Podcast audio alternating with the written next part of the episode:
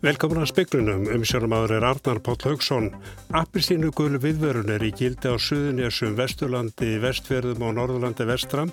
Gul viðvörun er í öðrum landslutum nema á Östurlandi. Björgunarsveitir er í viðbrastöð á Suðunésum. Það kemur í ljós í setni hluta næstu viku hvort teikist hefur að ná tökum á núverandi bylgju faraldursins eða hvort ný bylgja sé komin að stað. Þetta sé Tór Aspilund líftölfræðingur. Sáttafundur í kjaradeilu flugvirkja hjá landalíkskjæstunum og ríkisins hefur staði yfir í allan dag. Heilbriðis yfirvöldi Svíþjóð gera ráð fyrir að COVID-19 var farsáttu sótinn á eða hámarki miðjan desember á 700.000 landsmennir og dánir af hennar völdum. Takmarkanir á lífi og frelsi fólks verða hafa skýra heimild í lögum þó að í sótvarnarskinni séu, segir lögmaður sem telur að sótvarnaraðgerðir í koronaviru faraldrinum byggist ekki á nægilega traustum grunni. Byrjum á veðrinu, appilsínu gul viðvörun er í gildi á Suðunésum, Vesturlandi, Vestfjörðum og á Norðurlandi Vestram. Gul viðvörun er í öðrum landslutum nema á Östurlandi og björgunarsveitir er í viðbrastöðum á Suðunésum. Stífsuð vestanátt og jél eru víða á landinu. Búist er við að veðrið vestni eftir því sem líður á kvöldið og nóttina. Sangvænt upplýsingum frá vegagerðinni er ekki búið að loka neinum leiðum. Talsverð hríð er á fjallvegum og heiðum en umferð hefur gengið áfatalaust fyrir sig. Ekki er útilokað að heiðum verði lokað í kvöld og er aukumunum bent á að fylgjast vel með færð og veðurspá í kvöld og á morgun. Lauruglan á höfuborgarsvæðinu kvatti vegfærandur til að fara varlega sér í lagi næst sjáarsíðunni þar sem sjór hefur gengið yfir göngu og hjólastíga. Davíð Már Bjarnason, upplýsingafulltrúi landsbjörgar, segir að engar aðstofar óskir hafi borist ennþá en björgunarsveitar menn á Suðunissjum séu þó í viðbrástöðu. Þar hefur veður versnað eftir því sem liðið hefur á daginn. Á morgun er áfram í gildi gul viðvörun á vestanverðu landinu. Þá verður áttin einnig suðvestlæg með jæljum, lélugu skegni og slæmum axtur skilirðum. Elin Björk Jónastóttir veðurfræðingur segir að veðrið sé að ganga eftir eins og spáð var. Veðrið hafi tekið að versna síðdeis í dag. Því takið að slota smátt og smátt eftir því sem líður á morgundaginn. Gular viðvaranir verði í gildi fram á lögadags morgun. Bjarni Rónarsson sagði frá. Það kemur í ljós í setni hlutu að næstu viku hvort teikist hefur að ná tökum á núarandi bylgju faraldusins eða hvort ný bylgja sé komin að stað, segi Tór Aspilundu líftölfræðingur. Hann segir að smitt séu fleiri en vonast var eftir og margir greinist utan sótkvíjar. Nýtt spálíkan var byrt í dag. Óvissan er sögð mikil því ekki verið tekist að reykja ný greint smitt. Fólk verður að fara varlega næstu þrjár vikur ef vikan í kringum jólinn á ekki að vera undurlögð af samfélagsmittum, segir í niðurlagi spálíkansins. Og það er stefnir í meiri virkni í samfélaginu kringum jólinn og, og þessar helgar framöndan. Þannig að þá vorum við alltaf að vona að þetta væri komið vel niður á þessum tíma. Það stemdi alveg það átt. Þetta var mjög jákvæð þróun. Það hefur búin að ganga vel. Má ekki gleyma því. Smittstöðull veirunar sem hafði farið lækandi og var komin í 0,4 hefur þó hækkað í 1,5 utan sótt hver síðustu daga. Hann hefur verið að skrýða upp fyrir einn síðustu daga og það er náttúrulega ekki góð þróun. Og er það aðalega þá utan sóttkvíasmittin sem er að valda því? Já, þá er það að ítundir það sko og, og, og að það eru of mörg smitt að greinast með við sko að með við stöðuna eins og hún er að, ég meina 11 er hátala maður má ekki gleyma því. Við, við getum ekkert sætt okkur 11 smitt á dag í, í marga daga. Það er bara ávísun á bara vandræði. Tór segir að tíu manna samkomiðbann hafi þó virkað mjög vel og smittum fækkað hratt. Og það er vandamálið þetta. Það, það virðist eins og að þegar fyrir, okkur fyrir að ganga vel að þá fyrir við að gleyma okkur. Það má ekki vera þannig, við erum búin að tala um það, það verður að halda aðeins út, leiði svo að ná þessu almennilega niður, svo má fara að huga því að slaka eitthvað á. Tór telur tilbúðstaga verslana hafa haft áhrif. Já, ég held það bara. Ég held að fólk sé á ferðinni og hlaupa millir búða og ná í eitthvað ódýran ást, eitthvað lítinn áslátt, skiptir yngu máli í stóra samminginu. Bara býða með þetta aðeins, haldið þetta út inn í, ég voru búin að tala með þetta áður, haldið þetta út inn í miðjan DS. Þetta var Tóra Spilund og hólfröðu dagni í Fríðarstóttir talaði við hann. Brynjónu Þór Guðmursson tók pistilinn saman. Samningafundur í kjaradeilu flugvirkja hjá landhelgiskesslunu sem hóslukan nýju morgun stendur enn og litar fregnir af honum að hafa. Ljóstar að engin björguna þyrla verður til tags fyrir ná laugardagi fyrsta lagi. Landilísjæslan hefur aukið viðbræðsketur sína vegna ástansins og var áhöfna varskipsins tís köllu út í morgun og lætur skipi úr höfni Reykjavík nú um kvöldmataleitið. Týr verður við sunnavertlandi í viðbræðstöðum en varskipið þór er fyrir norðarland og verða varskipið því til tags næstu daga ef þarfa á að halda. Forstjóri landhelgiskessluna sæði fréttum í gær að lendi fólki neyð utan alfara leiðar á meðan þetta ástand varir, dyrti það að treysta á lauruglu og björgunarsveitir. Jón Sambergi Hjartason er frangotastjóri Slísavarnað félagsins landsbergar. Við erum náttúrulega bara mjög meðvitið um þetta ástand sem er að skapast núna og, og erum já, eins undir það búin og við getum verið en, en það í rauninni kallar ekkit á auka viðbraf hjá okkur sko. Og, og þið eru alveg vel í stakk búin bara eins og venjulega til, til að breyðast þið? Við erum það en, en sko það er rétt að undirstryka það að, að sko landfélskæstan og björgunarsveitnar vinna mjög náið saman í öllum þessum aðgjörnum sem nú að leita á björgun. Þannig um leið, að, leið og, og sko, eins mikilvæga bjargir og þyrlurnar dettur leik að þá er staðan bara orðin allt allt önnur og bara orðin mjög alvarleg staðan. Þetta var Jón Samberg Hjartarsson, Haugur Holm rætti við hann. Samkvæmt nýju spálíkani sem heilbyrðis yfirveldi Svíþjóð kynnt í dag er útlut fyrir að COVID-19 faraldurinn en ái hámarki í desember. Það veldur þó á að fólk fylgi þeim sótvarnareglum sem settar á að verið. Spálíkanni byggist á upplýsingum um útbreðslu koronaveirunar frá 24. ágúst til 7. november að því er Anders Tegnell sjótvarnarleiknir greindi frettamönnum frá í dag. Þróunin veldur þó að því hvort fólk fylgi þeim fyrirmælum sem gefin hafa verið svo sem að halda sig í hæfilegri fjarlagð frá öðrum og forðast margmenni. Ráðleggingar helbriðis yfirvalda um jólahaldi svíþjóð verða byggðar á spálíkanninu þar verða kynntar í næstu viku. Smittum og döðsfjöllum hefur fjölgað í svíþjóðunda farnar vikur. 67 létust af völdum COVID-19 síðaslinni sólaring, aðalega eldri borgarar. Alls hefur sjúkdómurinn dreigið 6.622 til döða. Stefán Löfven forsættisráð þeirra myndi landsmenn á í dag að ekki ættu fleiri en átta að koma saman. Hann sagði eða í höndfæri annan tími í verslunum, sér í lagi um helgar og vegna tilbóða sem kendir við svartan föstudag. Vegna faraldursins er þið fólk að vara sig á því að sapnast saman í verslunum og verslanameðstöðum þá er þið betur heima setið en af stað farið. Áskýr Tómasson saði frá. Þorúlu Gunnarsson, sóttanarleikni, segir að hann hefði ekki gripið til útgöngubans í korunveru faraldrinum þótt heimild væri til þess. Heilbríðistar á þreið hefur lagt fram frumvarpum breytingar á sóttanarlögum sem heimilar á þeirra að setja á útgöngubann ég sé ekki að það hefði verið tilefni til þess að vera með útgöngubann núna þó að margar aðra þjóðir hafi gripið til út, útgöngubann. Saði Þórólu Gunnarsson. Fjármálafyrirtæki hafa almennt ekki tekið afstöð til þess hvort endur fjármagna megi viðbótar og stöðníslán. Oft er afstæða þeirra til endur fjármagnar en eikvæð. Eftirlist nefnd með lánum með ríkisábyrð hefur líst yfir áhugjum af skömmum endurgreiflu tíma lánana. Lánstími viðbótar og stuðningslána er 30 mánuðir fyrir lán undir 10 miljónum en 48 mánuðir fyrir hærri lán. Í nýri stíslu nefndarinnar kemur fram að sá skammi endurgreðslutími mingi líkur á að lántakar uppfylli stílirði um rekstrarhæfi að koronaveiru faraldrinum yfirstöðnum. Í stíslu nefndarinnar er ekki tiltekið um hvaða lánastofnun ræðir í hverju tilfelli. Einn viðskiptabankana benti á að í samningum hans við Sælabanka Íslands kæmi fram að lánin væri ætluð lífvænlegum fyrirtækjum og lánveiting byggði á trúverðugum rekstarar áætlinum. Þar á bæ hefðu menn ekki mótað sér almenna afstöðu til mögulegar endurfjármögnunar. Í svörum annars banka kom fram að möguleg endurfjármögnun hefði ekki verið rætt og sá þriði saðist afdráttarlaust andvígur endurfjármögnun.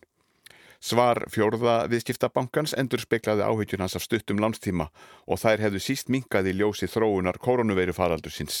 Þó hefði ekki verið mótuð almenn afstafa til endur fjármögnunar án ríkisábyrðar og þætti það ótímabært enda óljóst hver geta fyrirtækja til endurgriðsli yrði þegar það ættu hefjast í upphafi ás 2022. Markus Þóraldsson saði frá.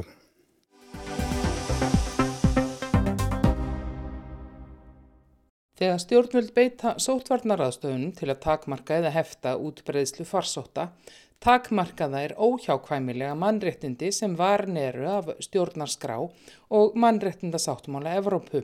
Þetta segir í nýlegri álitskerð Páls Hreinssonar um vald heimildir, sóttvarnalæknis og helbreyðisráð þeirra. Þar kemur líka fram að í núgildandi lögum séu helstu hugtök þeirra ekki skilgreynd. Ég tel við skoðun á lagatekstanum sem er afskaplega fáorður sem að það sé að mörguleiti verið að ganga fram með aðgerðum sem er ekki gert ráð fyrir í lögum og til þess að gera það þá hafa menn verið að beita lögskýringum sem eru svona að mínu viti að mörguleiti hæfnar.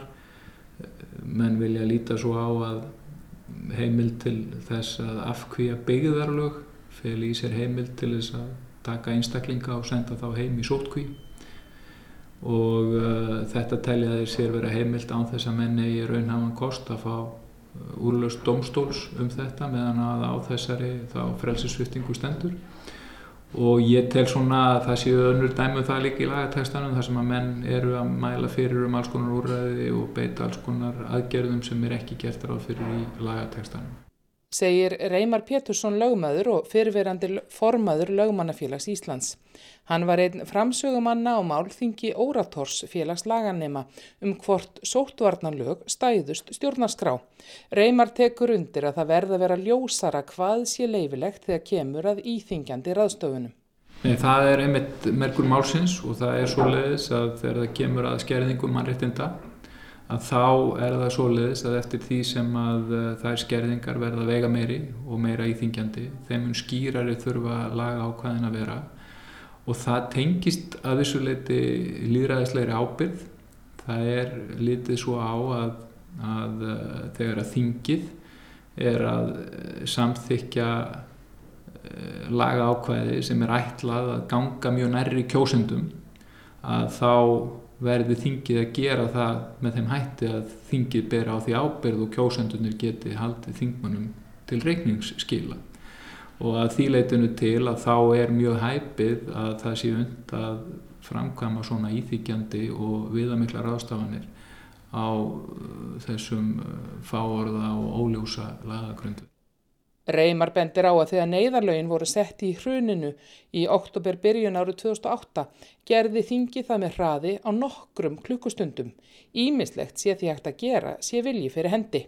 Og síðan er það þá þannig að ef að það væri einhvern veginn bara algjörlega útilokað að, að ná einhverju slíku í gegn á uh, þingið á einhverjum slíkum tíma þá er til staðar í stjórnaskráni sérstök heimild sem fylgur í sér uh, réttur á þeirra til að setja bráðabyrðalög við slíkar aðstæður Eh, þannig að sko svo hugmynda ráð þeirra geti framkvæmt ímiskonar ráðstafanir án laga heimildar uh, bara vegna þess að hann telji ykkur að hættu stæði að hún fær enga stóð í stjórnarskráni og það er nú meira að segja þannig ef maður vilja leita viðar fanga um það að þá er það nú svoleiðis í lögum um ráð þeirra ábyrð að ráð þeirra sem tekur sér vald til þess að ráðast í aðgerðir sem að uh, laga heimild þar til samkvæmt stjórnarskrá hann getur unnið sér til refsingar með slíkum aðgerðum.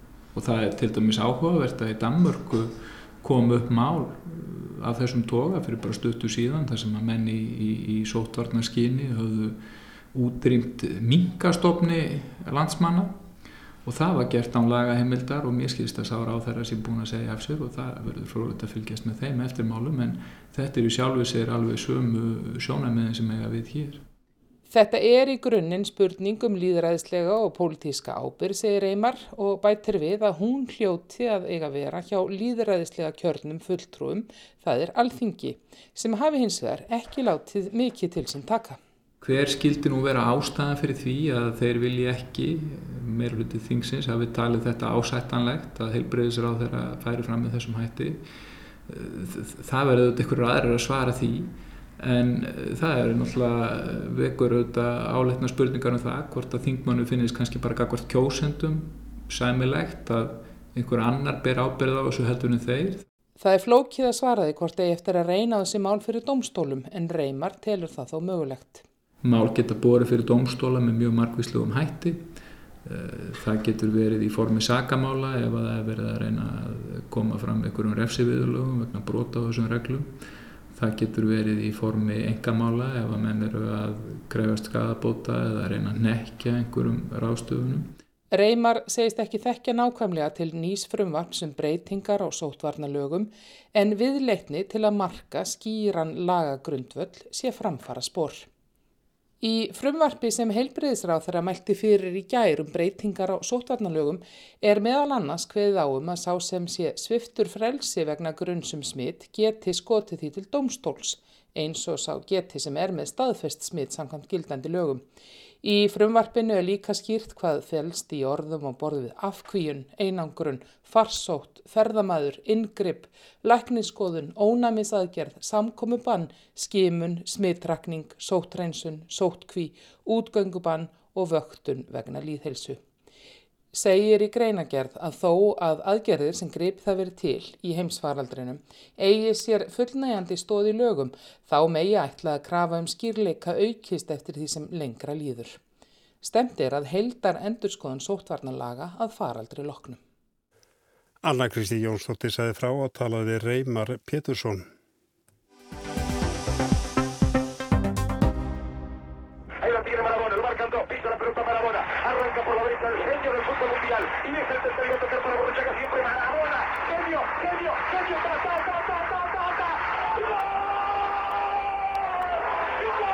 Hér heyrum við einhverja eftirminnilegustu íþróttalýsingu sögunar.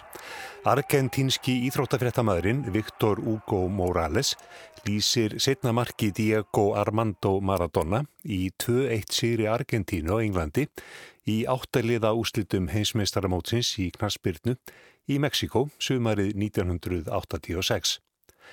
Þetta mark þykir mörgum það besta í Knarsbyrnusögunni. 60 metra einleiks sprettur Maradona frá eigin vallarhelmingi. Á leiðinni leik hann á og gappað upp úr skónum fimm leikmenn enskarlandstísins áður en hann rendi boltanum í nettið. Eins og Bjarni Fél sagði í speiklinum í gær, þetta var aðeins á færi snillinga. Og það efast engin um að Maradona var snillingur í fókbólta og mörg fallegustu og flottustu tildrifin í knasputnusögunni eru frá honum kominn. En hann átti líka aðra hlið sem var dekri. Fyrra mark Maradona í þessum leik er ekki síður frækt. Þá hafði hann rámt við og svindlaði, skoraði viljandi með hendi, hendi Guðs eins og hann kallaði það. Diego Maradona lést í gær. Speillin fekk þau Víði Sigursson, íþróttafréttamann á morgumblæðinu og Örnu Steinsen, fyrir um landstískonu í knaspinu, til að segja frá Maradona en þau fyldust vel með honum í gegnum tíðina. Við getum bara sagt að hann var besti fótbolltamaður sinnakynnslóðar. Svo erum við alltaf að rífast um hver var bestur og allt það. Ég volst upp við, við, það verið Pele, svo kemur Maradona, svo kom hann hún í setnitið Messi og Ronaldo. En Maradona hafði náttúrulega bara svo einstaka hæfileika sem fótbolltamaður sem við höfum ekkert séð hjá neinum öðrum. Og það er mjög eðlilegt að mjög margir geri tilkallir þess að hann sé sá, sá besti sem uppið hefur verið í þessari íþrótt. Hann var bara ótrúlega góður hann var náttúrulega á þessum tíma þegar hann verði meistarið þannig að þá er hann bara algjör góðsög hann var mjög góður, hann var bestur. Hvaða hæfileikar voru þetta? Hann hafði rosalega gott jafnvægi. Mér finnst hann líka svolítið Messi sko, Messi hefur alveg gríðalegt jafnvægi. Það er alveg sama, þú veist hvað að vera ít á hann eða sparki hann einhvern veginn alltaf heldur hann jafnvæginu. Og ég held að það hefur verið hjá Maradona líka. Það var svona svipa, hann einhvern veginn náði alltaf að hoppa upp úr öllu og svona gríðalega teknískur alveg svakala, alveg svo Messi þeir eru mjög líkir, eða mér finnst það. Hann var með svo opbóðslega gott jafnvægi og síðan var leikskilningurinn svo opbóðslega fullkomin hjá hann þeir sögðu sem spiluði á mótónum að, að það hefði verið bara ekkert hægt að halda aftur á hann hann var alltaf með menn í sér og það hefði settir á hann einn og tveir menn til að stoppa hann í hverjum leik. Og það þýtti ekkert því að hann var svo klókur, hann var klókur að snúa sér út úr öllum stöðum hann las leikin svo vel og hann byrtist á ólíklegustu stöðum fyrir, fyrir varnamenn og, og varnatengiliði það var stónlast verk að vera að reyna að halda aftur á hann því hann komst alltaf frá þeim hann leisti allar stöður svo snildarlega.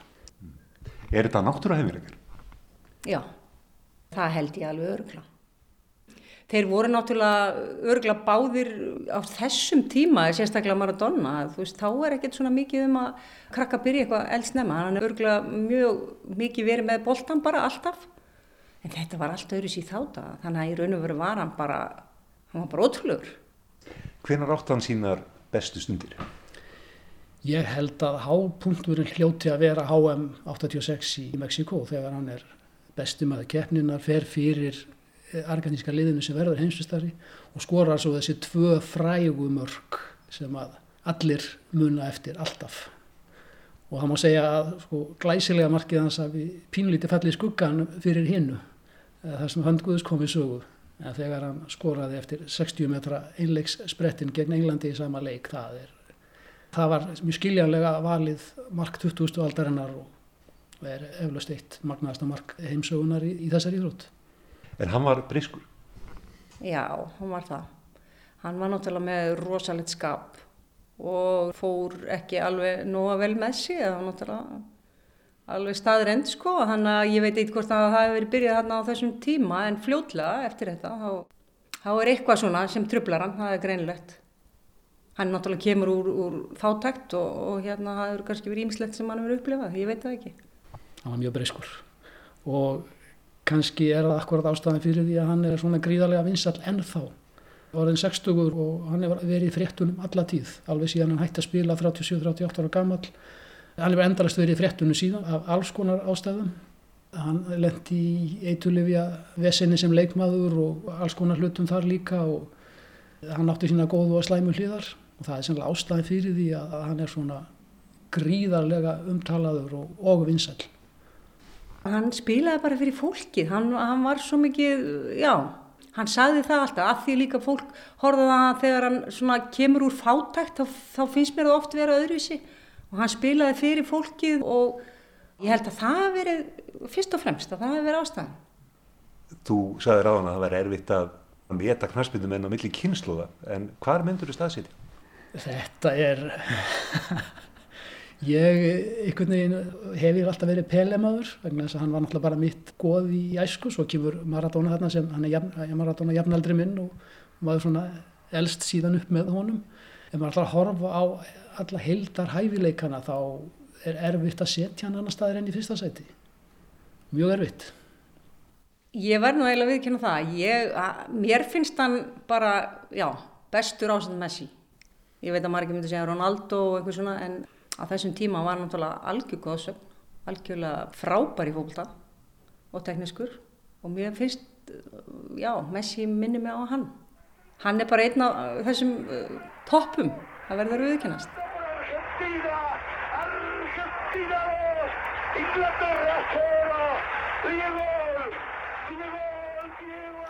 og speili fjallaði þarna Diogo Maradona. Kristján Sigur Jánsson tók saman og talaði við Víði Sigursson og Örnu Steinsinn.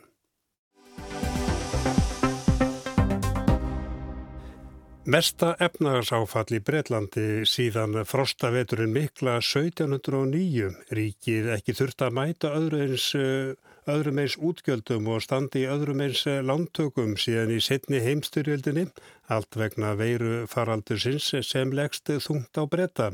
Þetta var báðskapur Rísi Súnlag fjármálar á þeirra breyta í breska þinginu gær.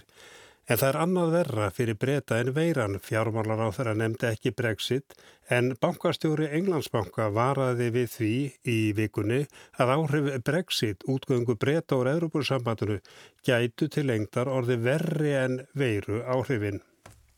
Það mætti á stundum halda að framtíð heimsins hangi á þremur fyrirtækjum. Það er livjafyrirtækjunum sem hafa þegar kynnt bóluefni gegn COVID-19 veirunni. Auðvitað kemur fleira til en í spám hagfræðinga þessa mánuðina um framvindu hagkerfa eru gerðnan fleiri en einn spá í bóði. Háði hvort og hvenar áhrifa bóluefnis fyrir að gæta á mannlífið og viðskiptalífið. Í gær þegar Rishi Sunak, fjármálar á þeirra breyta, kynnti útgjalda yfirlit næsta árs fyrir þingheimi var veiran ofan og allt um kring frá því hann tók til máls. Our health emergency is not yet over and our economic emergency has only just begun. Heilsuváin er ekki á enda, hagváin rétt að byrja, saði Súnak. Þessar tvær ógnir fléttust saman í yfirlitinu. Gríðarleg ríkisútgjöld sem gefa til kynna skattahækkanir í blári framtíð sem Súnag ræðir þó alls ekki hér og nú. Nú rýður einfallega á að reyða fram fjö meðan landið þokast út úr veiruskugganum. Fjármálaráð þeirra rissaði upp stóru línurnar og romsaði upp fullt af tölum til að sína að stjórnin stæði við orðsín um að steyðja fólk og fyrirtæki þó öllum er ekki bjargað.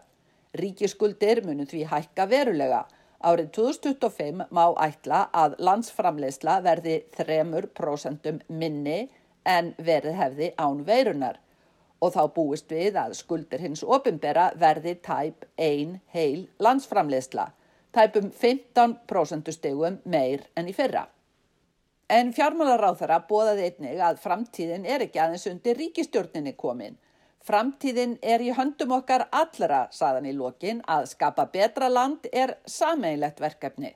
Because the future, this better country, is a common endeavour. Það þarf að fara áratugi og aldir aftur í tíman til að finna aðræðins hagskjálta og nú, ekki síðan frostaveturinn mikla 1709. Hefur efnahagur breyta skroppið við líka saman og nú, ekki síðan á stríðsárunum hefur ríkið þurft að taka jafn mikið af lánum og nú og annað högg sem margir muna, fjármálakreppuna 2008, gleymum henni Höggið af veirukreppunni er tvöfalt miða við áhrif fjármálakreppunar. Lántaka hins ofinbera vex mörgum í augum ekki síst í stjórnarfloknum íhalsfloknum. Á hinbógin ríkiskuldir lúta öðrum lögmálum en heimiliskuldir. Það gerir sannlega líka gæfumunin að vextir eru í sögulegu lámarki og hækka vart í bráð. Office of Budget Responsibility eða stopnun um ábyrg fjarlög er sjálfstæð ríkistofnun sem hefur, eins og nafni bendir til, augun á fjarlögum og efnahagsráðstöfunum ríkistjórnarinnar.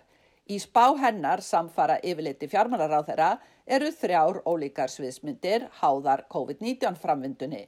Mikilvægar breytur eru bóluefni og veiruráðstafunni ríkistjórnarinnar. En meðan aðrar þjóðir geta einbeitt sér að veirufaraldrinum hangir önnur og að sumramati enn verri óvisa yfir breytum sem er útgangan úr Evrópusamvinnunni nú í áslokk. Þá framtíðar sín nefndi fjármálaráður ekki á nafn, ekki einu orði. Fjárlagastofnuninn tekur hins vegar brexit sviðsmyndir með reikningin. Líka þar eru nokkrar breytur mögulegar allt undir því komið hvort semstum framtíðarviðskipti breyta og Evrópusambandsins.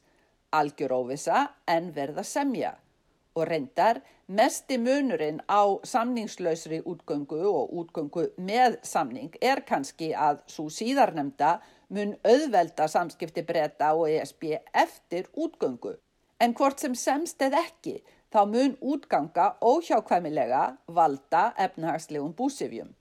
Og fleiri spá í Brexit framtíð breyta. Andrew Bailey, bankastjóri Englandsbanka, lætur sjaldan heyra í sér en var skorinorður þegar hann satt nýlega fyrir svörum þingnefndar.